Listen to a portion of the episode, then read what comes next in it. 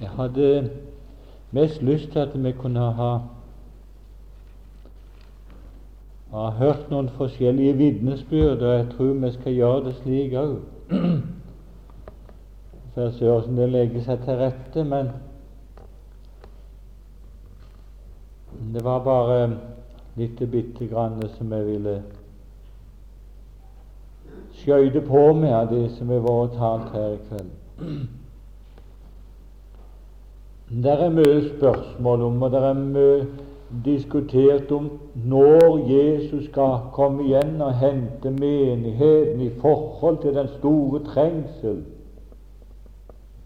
Det er mange som skriver mye om det. Mange som forkynner at han skal komme igjen til dom og ikke ser noe annet. Her er det. Det kapittel fire der tykker jeg for min del kaster nokså mye lys over den saken der. Og, og ikke bare at det står som et uh, enkelt eksempel, men det er sammenfletta med en, en hele Bibelen for øvrig. Jeg bare peker på det. Vi har sett rikets time her i sendebrevene til de syv forskjellige menighetene i Lilleasia. Det avslutter med, med brevet til Laudikea, og ganske sikkert er nok det, er nok det eh, et bilde på menigheten i dag. Eh, vi behøver visst ikke å si så mye om det. En menighet der der de trodde seg sjøl at alt var vel og bra, fordi du sier 'jeg er rik og har overflod og fattes intet', og du vet ikke at du er ussel og ynkelig og fattig og blind og naken. Det var en forferdelig dom, og det var en forferdelig uvitenhet. Det må vi vel erkjenne alle sammen. Eh, nå Allikevel så heter det det at se, jeg står for døren og banker. Han var kommet utenfor Jesus, men han sto for døren og banka for å komme inn igjen i denne menigheten. Og så avslutter brevet til menigheten i vers 22 på denne måte Den som har øre, han hører hva Ånden sier til menighetene. Og dermed slutter den tid som nå er. Altså, eh, vers 19 i kapittel 1 talte om det, og det er selve inndelingen av åpenbaringsboka. Skriv da det du så, både det som er, og det som heretter skal skje. Det uttrykket 'heretter', det heter rett og slett på gresk 'metataute'. Meta ta ute. Det som heretter skal skje. Det uttrykket finner du igjen i kapittel 4 og vers 1. Deretter så jeg, altså etter at han hadde sett dette med menighetene i verden, deretter så jeg at det var en dør åpnet i himmelen, og den første røst som jeg hadde hørt, liksom en basun, som talte til meg, sa:" Stig opp her, så vil jeg vise deg det som skal skje med Tatautet heretter. Nå er vi begynt på den andre delen av åpenbaringsboka, nemlig fremtidsboka. Det som er, inneholdes i de syv brevene og avslutter med Leodikea-menigheten. Og nå begynner framtidsboka Meta Taute, det som deretter skal skje. Nå ser de inn i fremtiden. Og det vidunderlige er Kan du bare høre Det vidunderlige er at det så kommer det litt, litt lenger ned. Straks var jeg bortrykket i ånden og se, en krone var satt i himmelen. Det var det første han så. Og se, en trone var satt i himmelen, og det satt en på tronen, og han som satt der, var å se til lik som jaspis osv. Og vers 4. Og rundt omkring tronen var det 24 troner, og på tronene så jeg 24 eldste sitte, kledt i hvite klær og med gullkroner på sine hoder. Hvem er det? Jeg tror mest alle bibelfortolkere er enige om at det er menigheten.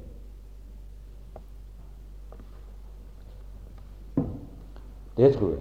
Menigheten. Når er den kommet inn? Umiddelbart etter at Laudikea-menigheten hadde spilt ut sin rolle.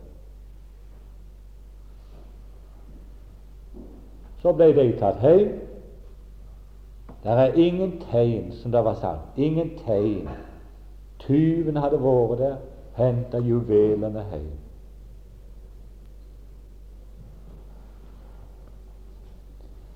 Og så er det sagt sånn Og jeg så en trone.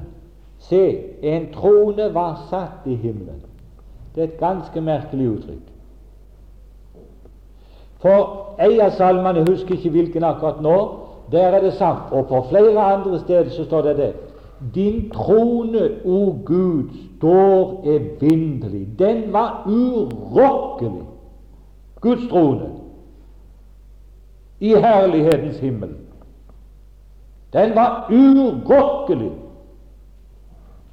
Men denne tronen her var satt i himmelen, i himmelrommet.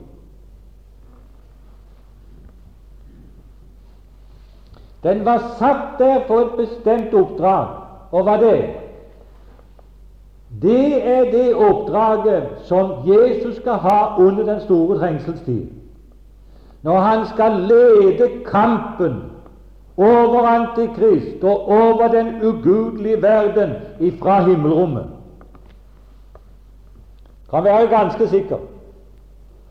Men det var ikke det vi skulle se på nå. Det var bare det forholdet som dette kapitlet her står i i forhold til de andre. Forholdet det som gikk foran, og i forhold til det som kommer etter.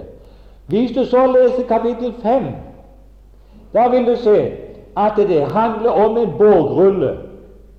Og den bågrullen der inneholder alle de dommene som skal gå over denne verden. Det er en domsbok over denne verden. Men før den domsboka ble åpna, før lammet tok den av hans hånd som satt på tronen, så var det altså skjedd noe. Bruden, menigheten, de 24 eldste, var flytta opp til ham. Lovet være Gud. Og når så det var skjedd, og de hadde falt ned for hans åsyn som satt på tronen, eller for lammet, som det står her i kapittel 5, så heter det i kapittel 6 og jeg så lammet åpne et av de syv seil. Da først. Det er akkurat det samme uh, som når Jesus taler i Lukas evangeliet kapittel 4. Han kom inn i synagogen, og de ga ham profeten Esaias' bok, og han sto opp for å lese for dem. Og han rulla boka opp, og rulla fra den ene rullen og på den andre inntil han hadde rulla inn til kapittel 61 hos profeten Isaiah. Han kunne ikke slå boka opp, for han fikk en rulle, slik som de hadde det i, i uh, Han var ikke gammel nok, uh, Jesus, å Han måtte ja, Jeg husker ikke akkurat alderen, men han var ikke gammel nok til å lese Torarullene, dvs. Si av de fem Mosebøkene. Derfor fikk han profeten Esaias' bok, og så begynte han å lese der. Så, så rulla han boka opp inntil han kom til det sted der, hvor det var skrevet 'Herrens ånd er over meg', altså kapittel 61 i profeten Esaias. Herrens ånd er over meg fordi Han salvet meg til å forkynne et godt budskap for de saktmodige osv. Sette de plaget i frihet og fengsle fri, åpen for uh, de som var fanget der, for å forkynne et velbehagelig år fra Herren. Og han lukket boken og ga den til tjeneren, og satte seg. Hvorfor lukket han boka der? Det er fordi at hans program var ikke kommet lenger. Og det er det programmet han holder på med i dag. Ja, Du har sikkert hørt dette talt om før til neste posten på neste posten som Jesus talte om der hos profeten Esaias, det er og en hevnens dag fra vår Gud. Men den er ikke kommet. Jesus han lukka borga der, og så ga han til tjeneren. og så Alle øyne som var i synagogen, var nå festet på ham. Så begynte han med å si Dette Skriftens ord er nå oppfylt for Søren.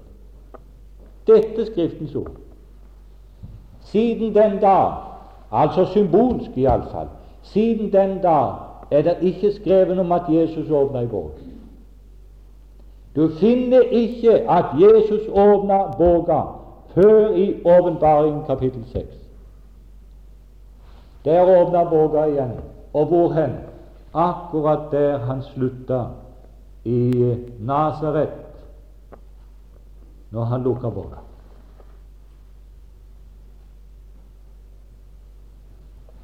Da begynner hevnens dag over denne verden. Da er det velbehagelige år, eller som Isaiah sier, nådens år, slutt. Da er det slutt.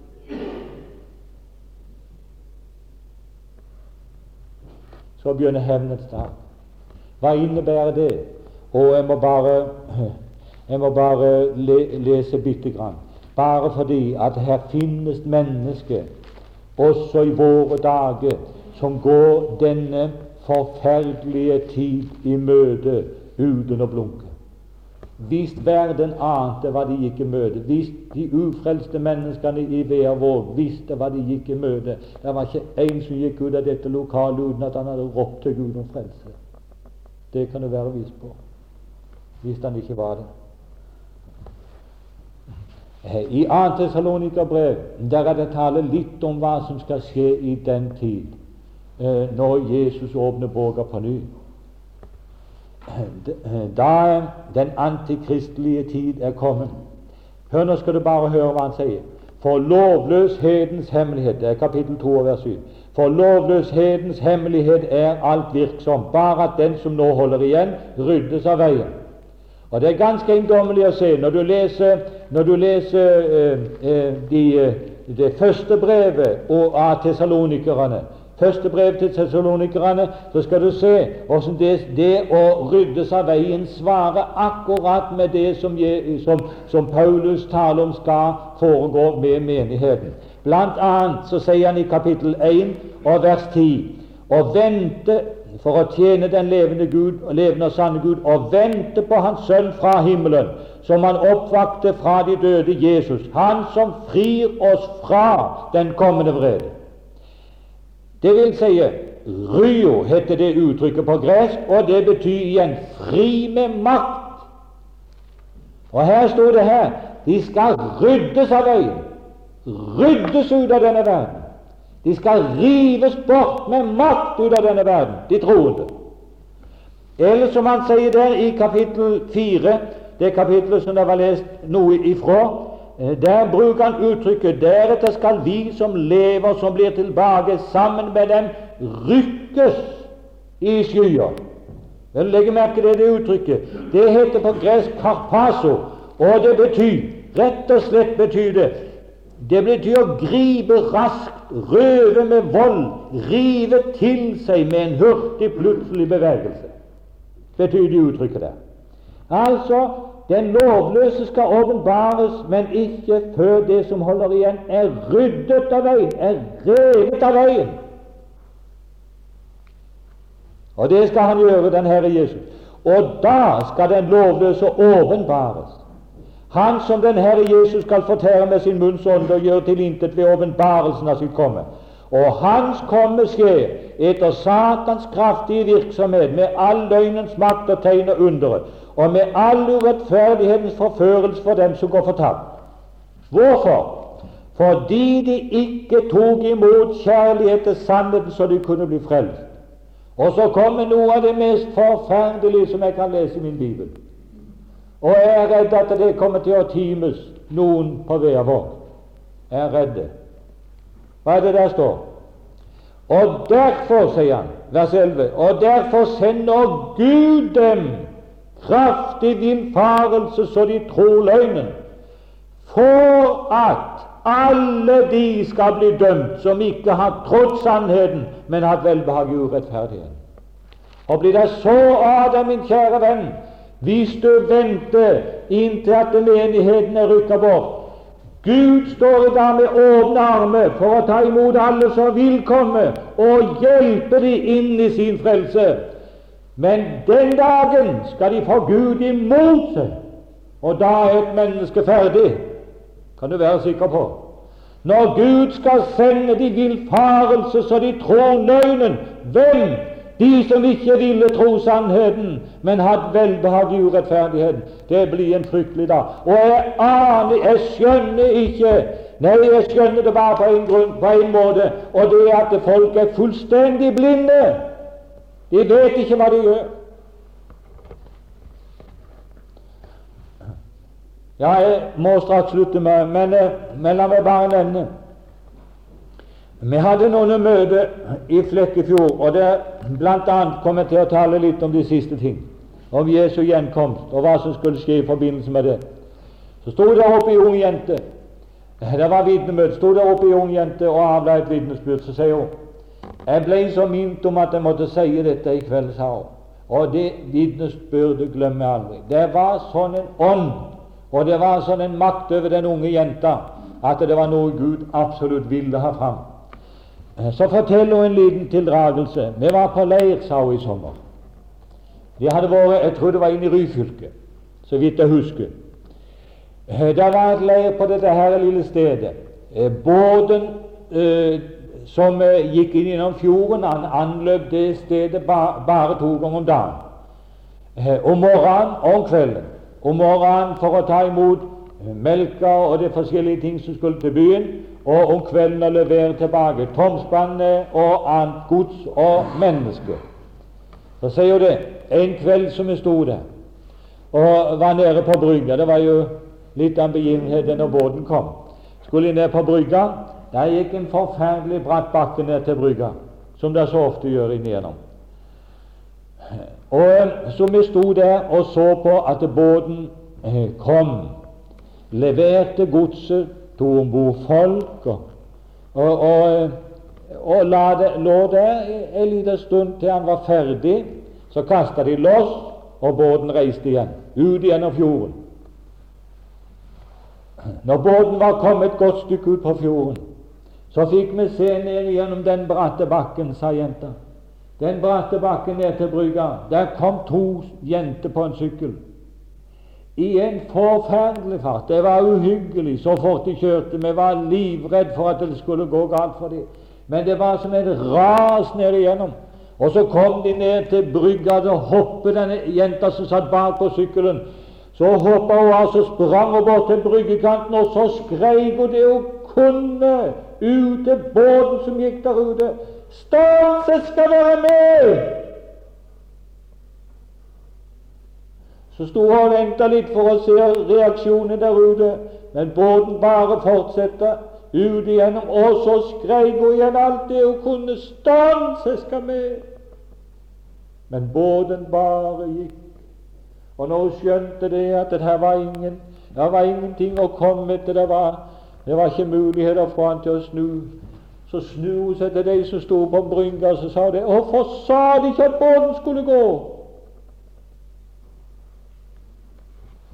Den dagen sa Gud til meg det, 'Arne, du må fortelle dem at båten skal gå.' Du må ikke la dem gå hjem. Du må ikke la, la flokken stå der uvitende om dette. Snart så reiser båten. Og jeg er redd for at det skal bli vekkelsesmøte på Vea den dagen. Ei kvinne hun sa det, det var borti Sognet, det. Jeg hadde talt om dette, og så kom jeg til å sitere kom jeg til å sitere en sang eh, som de hadde med i Bibelen, men jeg tror ikke her nå. Men eh, det er om at eh, kanskje mor og far må skiljes Trå de små de har så kjær. Kanskje søskenflokken deles, å, hvor det alvorlige er. Hva det sagt i de strofene der? Jeg hadde satt meg der, så kom der ei kvinne. Så gikk hun helt opp til talerstolen, og så snudde hun seg der. Og mens tårene rant nedover kinnene på denne kvinnen, så sa hun det Ja, i min heim Det var sitert, sa hun. Kanskje mor og far må skiljes fra de små de har så kjær. Kanskje søskenflokken deles, å, hvor det alvorlig er. Så sier jo det. I min heim, sa hun, blir søskenflokken delt for evig. Da visste hun om en og annen, vet ikke hvem, som hadde gått inn i evigheten av hennes søsken med en ufrelst sjel. Og skal det bli troende venn. Kan hende det at du og vi skulle oppleve en fornyelse som vi ble minnet om her i går, slik at vi kunne være med å hjelpe søsknene våre inn til Jesus. Kan hende det er en mor som trenger en fornyelse her i dag for å være til litt hjelp for ungdommen hjemme og lede dem på den rette veien. Kan hende du er noen få dager igjen. Det er ingen som vet det. Men lovet være Gud for at vi kan forkynne enda, for å bruke bildet, enda ligger båten med brygga og venter på det. Men hør, min venn, Tør du, tør du la denne anledningen i kveld gå ifra deg? Tenk om du skulle bli stående og råpe den dagen når mor hadde reist, når far hadde reist. Stanse skal med. Men den båten, den snur aldri tilbake. Aldri. Da blir du der. Å, Gud velsigne deg, kjære venn. I kveld har du anledning Å, grip den. Jesus venter på deg. Jeg tror kanskje det var en av årsakene til at vi skulle ha disse møtene her. Å, det var en sjel som skulle berges. Er det du? Og sitter du henne? Og sitter du henne, si ja til Jesus nå. Du behøver ikke verken å rekke opp i hånden eller på noen annen måte gi det til kjenne. Det behøver du ikke. Men det er opplagt det at det er til velsignelse både for den som rekker opp hånda, og for de som ser det. Det er en styrkelse for hele flokken å se å, nå begynte han, nå begynte hun, nå vil de være med på himmelen. Himmelveien. Så vil du det, føler du for det, så bare gi det til kjenne. Hvis du føler for det. Men jeg, jeg tror vi gjør det slik at vi benytter benytte ei lita tid nå, hvis det var noen som hadde noen